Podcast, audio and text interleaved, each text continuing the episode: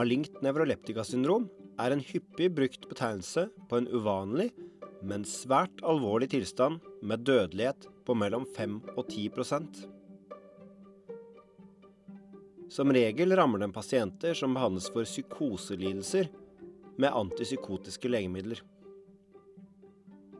Fordi nevroleptika er en utdatert betegnelse på antipsykotika, blir syndromet også kalt malingt antipsykotikasyndrom. Dersom tilstanden ikke er forårsaket av antipsykotika, men av behandling for andre lidelser, har den blitt omtalt med andre navn, som parkinsonistisk hyperpyreksisyndrom, malignt nevroleptika-lignende syndrom, eller f.eks. akutt akinesi. Er du forvirret? Du er ikke alene. I denne episoden skal vi snakke om hva som skjer når en pasient rammes av dette alvorlige syndromet, som følge av legemiddelbehandling. Vi skal også snakke om hvorfor tilstanden trenger et nytt navn, og hvorfor antidopaminært syndrom er et naturlig valg. Velkommen til eh, Gal medisin.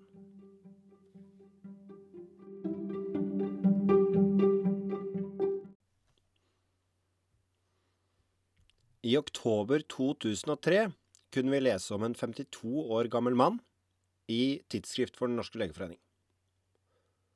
Mannen ble innlagt akutt ved en medisinsk sykehusavdeling etter plutselig å ha falt om på gaten. Ved ankomst til sykehuset var mannen våken og smertefri. Han pustet raskt, men uten besvær. Han var varm i huden og gjennomvåt av svette. Mannen svarte kort og fornuftig på enkle spørsmål, men virket fjern og ga liten kontakt. Han sa at han var frisk, og kunne ikke angi spesielle symptomer i forbindelse med at han plutselig hadde kollapset. På spørsmål om eh, hvilke medisiner han brukte, svarte han at han brukte Olanzapin, som er et middel brukt i behandling av psykoselidelser. Ved undersøkelsen hadde mannen høy kroppstemperatur, helt oppe på 39,7 grader celsius. Pulsen hans var rask, men jevn, på 134 slag i minuttet. Han hadde høyt og svingende blodtrykk. På det verste var blodtrykket 234 i overtrykk og 122 i undertrykk. Med andre ord var blodtrykket periodevis svært, svært høyt. Den 52 år gamle mannen hadde betydelig grad av stivhet i muskulatur, samt skjelving i armene, beina og i underkjeven. Magen hans var kraftig utspilt, og det kom lite tarmlyder når legene hørte på magen hans. Snart kom det fram at pasienten hadde hatt diagnosen schizofreni fra 20-årsalder. I 25 år hadde han vært behandlet med depotsprøyter altså medisiner som blir gitt som injeksjoner for å vare lenge, av et eldre antipsykotisk legemiddel som heter perfenasin. Men pga. nevrologiske bivirkninger ble dette medikamentet senere byttet ut med Olanzapin, som er et nyere antipsykotisk legemiddel. Frem til han falt om på gata, hadde han klart seg alene i egen bolig, han hadde aldri brukt rusmidler, vært påpasselig med sine medikamenter. Han hadde vært selvhjulpen og velordnet i daglige gjøremål. Til daglig hadde han gått turer i nærområdet, og regelmessig så hadde han syklet til butikken for å gjøre innkjøp. Etter en samlet vurdering av mannens tilstand og analyse av blodprøvene hans, fant legene ut at pasienten hadde malignt nevroleptikasyndrom. Dette er en samling av alvorlige symptomer og tegn som hovedsakelig kan forekomme ved bruk av antipsykotiske legemidler. Disse legemidlene ble tidligere kalt nevroleptika, men dette begrepet er i dag utdatert, og derfor så brukes ordet nevroleptika nesten bare i omtale av denne sjeldne og farlige bivirkningstilstanden. For å bedre den 52 år gamle mannens tilstand fjernet sykehuslegene alle mannens medisiner. Pasienten ble lagt på en overvåkningsavdeling og behandlet der. Noe av det viktigste de forsøkte, var å senke hans kroppstemperatur. Det kan nemlig være svært farlig å ha høy feber, enten det skyldes en infeksjon, overopphetning eller at kroppstemperaturen er for høy som bivirkning av et legemiddel. Svært høy kroppstemperatur øker kroppens oksygenforbruk med ca. 10-13 per grad celsius. Samtidig øker hjerte- og pustefrekvensen. Temperaturer på rundt 39 grader celsius eller høyere kan gi kramper hos barn. Det er dette vi kaller feberkramper, som i all hovedsak er en ufarlig, men veldig dramatisk eh, tilstand som eh, kan skremme foreldre og barn. Kroppstemperaturer opp til 42 grader celsius er dramatisk, men det kan tolereres uten varige skader. Men når kroppen blir altfor varm, så vil hjernen raskt bli påvirket. Overopphetning vil derfor kunne gi skremmende symptomer som epileptiske anfall, muskelstivhet og koma. Mennesker som er overopphetet, men ikke har mistet bevisstheten, kan få problemer med å gjøre koordinerte bevegelser. Lillehjernen er nemlig viktig for at vi kan kunne putte mat i munnen og gå stødig. Når lillehjernen blir varm, er disse basale funksjonene vanskelig å utføre. Andre funksjoner i hjernen vil også unngjelde, slik som å opprettholde en normal syke. En overopphetet person kan bli alt fra irritabel til psykotisk. Temperaturer over 43 grader celsius i kroppen fører som oftest til død. Og da snakker vi altså om kjernetemperatur, enten i hjernen eller målt rektalt. Den 52 år gamle mannen som kollapset på gata og nå hadde blitt diagnostisert med malignt nevroleptikasyndrom, ble behandlet symptomatisk, vil si at vi behandler de symptomene som syndromet ga, og det gjorde man ved å kjøle ned pasienten og gi ham paracetamol, som i tillegg til å være et smertestillende legemiddel, faktisk kan redusere kroppstemperaturen. I tillegg fikk han totalt fire liter med intravenøs væske bare det første døgnet. I to døgn hadde han feber med temperatur opp til 40,1 grader celsius, hjertet slo svært raskt, og blodtrykket fortsatte å svinge.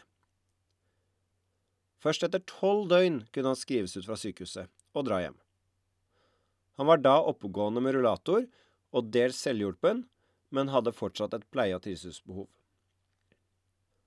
Mannen var altså blitt akutt og livstruende syk av en tilstand vi best kjenner under navnet malignt nevroleptikasyndrom. Tilstanden eh, skyldes hovedsakelig manglende effekt av signalstoffet dopamin i hjernen. Ved bruk av antipsykotika, som er stoffer som i stor grad virker gjennom å hemme effektene av nettopp dette signalstoffet dopamin, blir nemlig dopaminreseptorer, som er de målmolekylene, altså rett og slett det signalstoffet dopamin virker gjennom i kroppen, de blir blokkert. Grunnen til at man bruker legemidler som virker på denne måten for å behandle psykoser, er at psykoselidelsene er relatert til overaktivitet i signalveier i hjernen som bruker dopamin som signalstoff. Derfor kan også stoffer som stimulerer dette dopaminsystemet, slik som amfetamin, utløse psykotiske symptomer hvis du ruser deg på det. Redusert dopamineffekt gjennom bruk av antipsykotiske legemidler kan derfor bedre pasientens psykoselidelse, slik at de kan leve et forholdsvis normalt liv, slik som den 52 år gamle mannen som falt om på gata hadde gjort. Men dersom blokaden av dopamineffekten blir for stor, slik det nettopp ble hos han som falt om, så kan også dette føre til store problemer, som malignt neuroleptikasyndrom. Tilstanden er uvanlig, men som vi allerede har sagt, svært alvorlig, og dødeligheten er altså 5-10% Takket være god behandling på sykehus kunne mannen flytte hjem etter hendelsen. Altså er det svært viktig at leger og annet helsepersonell som behandler pasienter som har disse typer lidelsene, at de kjenner igjen symptomene på malignt nevroleptikasyndrom og skjønner at det holder på å skje, slik at riktig behandling kan iverksettes. Problemet er at tilstanden ikke trenger å skyldes bruk av antipsykotiske legemidler. Altså er det ikke bare nevroleptika, dette utdaterte begrepet for antipsykotika, som kan forårsake malignt nevroleptika-syndrom. Syndromet kan nemlig også forekomme ved andre typer legemidler som har dopaminblokkerende effekt. Noen medikamenter som brukes i behandling av kvalme etter narkose og kirurgiske inngrep, faller innunder denne kategorien, som også blokkerer dopamineffekter. I tillegg kan syndromet utløses ved bråstopp i behandling med legemidler som virker på samme måte som dopamin i hjernen. Dette er særlig aktuelt hos pasienter med Parkinsons sykdom. Disse pasientene sliter nemlig med nedsatt mengde dopamin i et bestemt område av hjernen som kalles basalganglier. Tap av nerveceller i dette området, som følge av sykdomsprosessen, fører til dopaminmangel. Dette fører til at Parkinson-pasientene får redusert evne til å starte og å gjennomføre viljestyrte bevegelser, og de får også økt muskelstivhet, og mange begynner å skjelve. Symptomene til Parkinson-pasientene bedres bl.a. ved at man gir legemidler som øker dopamininnholdet eller stimulerer dopaminreseptorene i hjernen. Slik kan de altså få mindre symptomer fra sykdommen sin.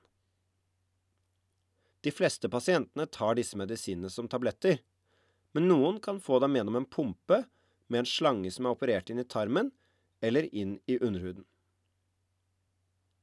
Hvis pasientene plutselig slutter å ta tablettene sine, eller pumpen plutselig slutter å fungere, vil de risikere å få samme tilstand som den 52 år gamle mannen som kollapset på gaten.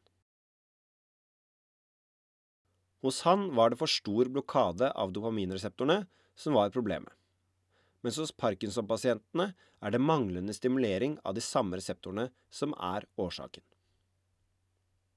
Problemet er det samme. Dopamineffektene i hjernen er ikke stor nok, og pasienten blir akutt syk. Men hvis det er nettopp bortfall av Parkinson-behandling som forårsaker dette syndromet, så skifter tilstanden plutselig navn. Leger som behandler disse pasientene, kan for eksempel kalle dem rammet av parkinsonistisk hyperpyreksisyndrom, malignt neuroleptika-lignende syndrom eller akutt akinesi. De kunne like gjerne kalt tilstanden for malignt nevroleptika-syndrom, slik man gjør hvis pasienten er blitt syk av sine antipsykotiske medisiner. Som du allerede har hørt, er begrepet nevroleptika i seg selv avleggs, og derfor er det også noen som kaller tilstanden for malignt antipsykotika-syndrom. Ikke overraskende kan dette virke forvirrende både på pasienter og helsepersonell. Vi oppdaget at yngre leger som jobbet med disse pasientene, ble forvirret av alle disse forskjellige navnene. Dette er kanskje ikke overraskende, men kan være alvorlig ettersom tilstanden kan være svært farlig og må oppdages raskt. Siden hele problemet er at pasientene har fått blokkert effekten av dopamin, eller behandlingen med stoffer som gir dopamineffekt, plutselig har stoppet, mener vi at antidopaminært syndrom er det riktige navnet på denne tilstanden. Ved å omdøpe syndromet, som har så mange forskjellige navn, til antidopaminergt syndrom, rommer det nye navnet både de pasientene som har fått det påført av behandlingen mot en psykisk lidelse, og de som har fått det som en følge av kvalmestillende medikamenter, eller oftere som følge av bortfall av Parkinson-medisin. For helsepersonell som møter pasientene, kan det også være lettere å huske, fordi symptomene som pasientene får, er relatert til manglende dopaminvirkning. Typisk så forverres tilstanden til pasienten over flere dager, og forløpet kan være langtrukket over flere uker. De får endret mental status med forvirring og sterk uro. Feber, som vi allerede har snakket om. Muskelstivhet. Hurtig hjerterytme. Økt svetting. Hurtig pusting og økt vannlating. Noen blir så dårlige at de faller i koma, og som vi allerede har hørt, så er det 5-10% som dør. For helsepersonell som er spesialutdannet innen å finne ut hva som feiler en pasient, vil slike symptomer kunne lede i retning av manglende dopamineffekt, blant andre alternative årsaker. Derfor er det viktig at tilstanden har et navn som kan relateres til sykdomsmekanismen, slik som antidopaminerkt syndrom. Derfor skrev vi innlegget Time to replace the term neuroleptic malignant syndrome with antidopaminergic syndrome til tidsskriftet Lancet Psychiatry. De publiserte denne foreslåtte omdøpningen av malignt neuroleptika syndrom til antidopaminergt syndrom i mai-nummeret i 2022. Så gjenstår det å se om det medisinske verdenssamfunnet er enig i at tilstanden, som har så mange synonymer, trenger et nytt og samlende navn.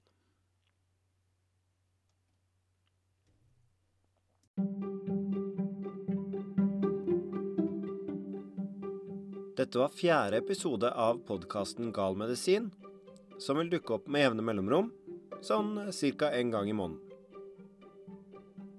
Snart kommer vi tilbake med flere aktuelle temaer innen medisin og psykiatri.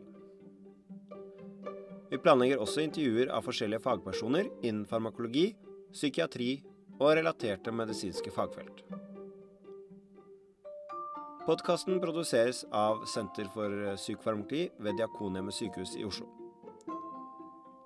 Hvis du ønsker å komme i kontakt med oss, kan du sjekke hjemmesiden vår psykofarmakologi.no.